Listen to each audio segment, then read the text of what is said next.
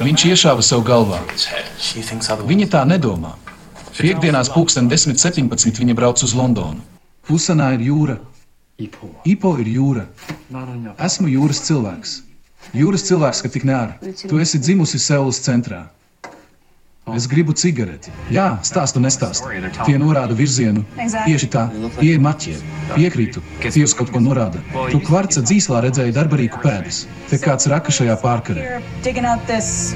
Dažādi kanāli, pavisam atšķirīgs saturs, bet viena un tā pati balss, kas bezkaislīgi lasa subtitrus latviešu valodā.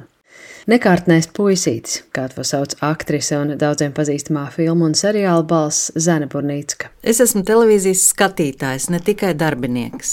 Es ļoti labprāt mājās esot, ieslēdzu televizoru, lai tas tur fonā man skan. Droši vien psihologiem par šo būtu arī kāda diagnozīta uzstādāma. Es labprāt to arī noklausītos. Un tāpēc es to pamanīju, ka tas, kas man tur skan fonā un kam es ik pa brīdim uzmetu acis, tas uh, kļūst uh, absolūti nebaudāms. Tas vairs nav derīgs pat kā fona troksnis. Burnīts atceras, kā pirmajā brīdī mēģinājusi saprast, kas to ierunājas. Profesionāls aktieris tas nav, arī neprofesionāls nē. Trenētajai aktrises ausī bijis pavisam savādi apjaust, ka tā nemaz nav cilvēka balss. Ar sāpi par to, kā mākslīgā balss vairākos kanālos sabojājusi viņas mīļākos seriālus, ietaupot uz jau tā tik maz apmaksāto ierunātāju rēķina, viņa dalījās sociālajā tīklā Facebook. Un daudzi desmiti cilvēku komentāros piekrita. Varbūt es esmu old school un oldītis, ja kā tagad saka, bet uh, Es nestājos ceļā progresam, ja es, es saprotu, ka es esmu tāds smilšu graudiņš jūrā, un ka šis mans ieraksts un, un mana bažiņa un mans iebildums ir absolūti maznozīmīgs pret uh, globālo situāciju pasaulē. Un tomēr es nevarēju klusēt, jo nu, kāpēc cilvēki, teiksim, iet uz restorānu? Tāpēc, ka tur būs kaut kas tāds pagatavots speciāli viņam, ar, ar sirsnību, ar attieksmi, viss tā gaumas robežās. Nu, var jau iet arī uz ēdnīcu, ja kur no kopējā katla ar lielu karotu uzmetīs uz šķīvja un aiziet. Bet tomēr cilvēki grib to personīgo attieksmi. Un, manuprāt, šī balss, kas skan no televīzijas ekrāna, ka mēs ierunātāji, ka šis ir tas restorāns. Un reizamis putra ir gluži burtiska. Mākslīgais intelekts klūpais ciparu nolasīšanas, vietu nosaukumiem un locījumiem. Ja tas, tas nekārtnais puisītis, divi kvadrātkilometri saka 2 km2, nu, es atvainojos. Viens no tiem, kas pievienojās Zanes Burnickas Facebookā paustajam sašutumam, ir režisors un pasniedzējs Pēters Krilovs. Sarunā ar Latvijas rādio viņš saka, tā ir necieņa pret skatītājiem jo ar šādu robotisku balsi mākslā tiek atņemta būtiska sastāvdaļa - emocijas. Es uzskatu, ka tas ir necieņa pret nu, ne tikai klausītājiem, pret cilvēkiem, pret, nu, bailes tādu terminu lietot tautu, jo tāpēc, ka tā ir bezpersoniska balss, kurai nav runāšanas motivācija, līdz ar to viņa tekstu, ko viņa viņa Pēc tam tās ir spēles filmas, kurās uh, ir dzīvu personāžu tēli. Ja? Tas nozīmē, ka tēli tiek pārvērsti par kaut ko mehānisku. Uh, viņu šķietamā, nu, tā ir tā tulkotā balss, tulkotais teksts, vai ne, bet šķietamais teksts ir pilnīgi bezpersonisks un pilnīgi nemotivēts. Un to ar ausi cilvēki parasti atpazīst, ka mums jau ausis ir ļoti trenēts. Ja, patiesībā sakot, ausis ir labāki melu detektori, tāpēc melu detektors ir uz dzirdi, uz ausīm būvēts, jo mēs ar ausīm melus jūtam vairāk nekā ar acīm. Tā bija tava vaina, Maita. Viņš bija mans, tu biji tukša vieta. Viņš bija mans, viņš mīlēja mani, Viņš mīlēja mani. Kāpēc ir eh, publiskā mēdījā, kā lai saka, izklaides un informācijas kanālā, tas jādara tas pilnīgi nesaprotami. Droši vien arī tie paši finansiālie apsvērumi. Nu, bet eh, tad, nu, jāsaka tā, nu, tā kā veca anekdote par bolševiku revolūciju, nu, ja nav naudas, tad nevajag taisīt revolūciju. Nu. Man šķiet, tajos eh, kanālos, epikdrāmā un, nu, tur taču arī strādā cilvēki latvieši, kas runā mājās latviešu valodā. Un viņiem ir viena alga, kā skan tas mākslīgais intelekts, ka tas runā nepareizi. Viņiem tiešām ir viena alga, viņiem pašiem patīk, viņiem tas uh, tonis ir ausī tīkams. Mani sauc Pēters Remerts. Es esmu uh, Igaunijā bāzēta uzņēmuma Vaida Mīdija vadītājs. Tā mūsu uzņēmuma pamatdarbs ir uh, pārstāvēt starptautiskos TV kanālus. Latvijā mēs piedāvājam 20 kanālus pārstāvjam starptautiskos. Vai jūs varat nosaukt dažus pazīstamākos? Uh, zināmākie noteikti, ja tie, tie kas sako bērnu satram, tad uh, Kidzona kanāls noteikti numur viens. Tad šobrīd, kas mums nākošais, nu, tad mums ir uh, Filmzona kanāls, mums ir uh, Viesat History, Viesat Explore, Epic Drama, kas ir pieminēts arī. Uh, mēdījos, tad nu, šie ir tie populārākie kanāli. Pētera Remerta pārstāvētais Vaida Mīdija ir viens no uzņēmumiem, kas šogad latviskā skaņu celiņa nodrošināšanai sācis izmantot mākslīgo intelektu. Un iemesls tam ir maijā pieņemtie grozījumi elektronisko plašsaziņas līdzekļu likumā, kas televīzijas programmu izplatītājiem liek nodrošināt latviešu valodas audio celiņu programmām, kam līdz šim audio tulkojums bija tikai krievu vai kādā citā valodā, kas nav Eiropas Savienības dalība valsts vai Eiropas ekonomiskās zonas oficiālā valoda. Līdz šiem grozījumiem Vaida Mīdija aktieru balsīs ierunātu latvisko tulkojumu piedāvāja 5 no 20 kanāliem. Pārējos bija tikai subtitri. Tad uh, mums bija jāpieņem lēmums, faktiski, ko mēs izdarām. Uh, ja mēs skatāmies to, ka mums jau bija tas kritums no ieņēmumiem no televīzijas tirgus, kur samazinās abonenti, tad mums vajadzēja arī risinājumu, kā mēs varam uh, pēc iespējas, nu, es neteiktu izdevīgāk, bet atrast tādu jēdzīgāko risinājumu tirgu, kas jau ir mazs un kas samazinās. Uh, arī nākotnē. Tad uh, mākslīgais intelekts patiesībā tas nav nekas jauns televīzijas nozarē, tas ir jauns kaut kas mūsu tirgu. Uh, līdz šim to neviens nav izmantojis. Tā pati tehnoloģija ir saucamā teksta speech. Teksts uz runu, kur uh, mums arī patiesībā valsts pārvalde ir uh, izveidots arī atsevišķs produkts, kas to pašu dara. Tad uh, mūsu gadījumā šis bija ekonomiski izdevīgākais variants, ko mēs varam īstenot. Ja mēs skatāmies uz izmaksām, tas, tas izmaksā 3-4 reizes mazāk Plus tas ir izdarāms stipri īsākā laika periodā. Līdz ar to, ja mums bija mēnesis laika, lai mēs tā kārtīgi sagatavotu, tad mēnešu laikā mēs kanālu varam sagatavot, iztulkot. Protams, tas uh, risinājums būtu jāuzlabo, tas nav noliedzami. Arī visiem nevarēs izpatikt šo tulkojumu, bet pie tās situācijas tas bija labākais risinājums. Vārdu sakot, laika ieviest jaunās prasības par audio celiņu latviski bija maz, un nelielajā Baltijas tirgu, kur reklāmas ieņēmumi ir pieticīgi un pēc Krievijas iebrukuma Ukrainā aizliegtajiem Krievijas propagandas kanāliem sarucis arī maksas televīzijas abonentu skaits, mākslīgā intelekta balss bijis vienīgais izdevīgais risinājums. Otra iespēja būtu atteikties arī no jau iepriekš eksistējuša krievu audio celiņa un atstāt kanālu tikai oriģinālu valodā, skaidro Remerts. Mēs pieņēmām lēmumu pievienot šo audio celiņu, mēs palielinājām latviešus vairāk skatītājus. Mums palika arī tas krievu valodas celiņš, bet, nu, protams, tur kaut kāda autora ir saglabājās.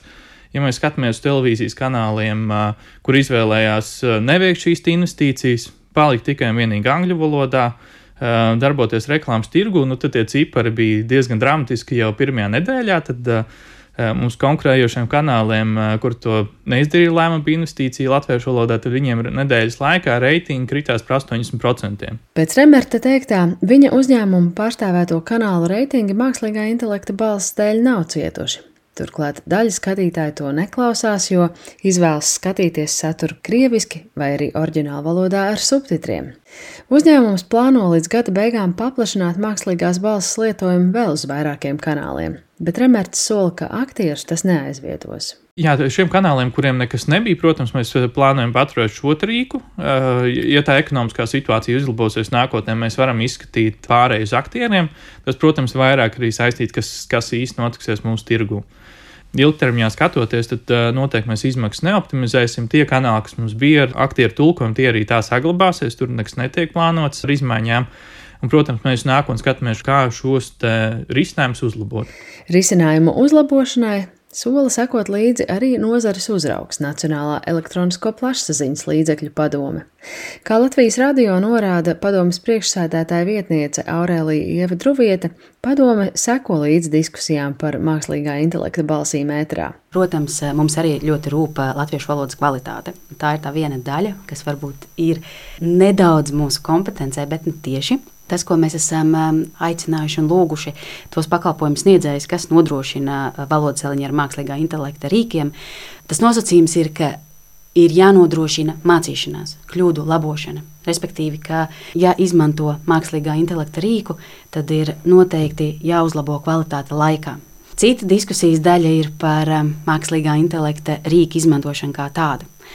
Protams, eh, tas ir jautājums par eh, tādu māksliniecisko kvalitāti un šo cilvēcisko aspektu, pie kā noteikti eh, cilvēki ir pieraduši. Un tad, tad ir jautājums pakalpojumu sniedzējiem, vai viņu klienti vai viņu auditorija ir gatava šo saturu tādā veidā lietot. Bet vienlaikus tas, ko mēs redzam starptautiski, ka Šie mākslīgā intelekta rīki tiek izmantoti arvien vairāk, gan uh, valodu celiņu nodrošināšanā, gan arī subtitru ģenerēšanā. Tas pilnīgi noteikti notiks. Jautājums ir, kā sekmēt šo kvalitāti. Nepelpē sola gada otrajā pusē veikt visaptverošu monitoringu, kā TV kanāli ievēro jauno likuma normu par skaņu celiņiem latviešu valodā un pievērsīšot uzmanību arī mākslīgā intelekta risinājumiem.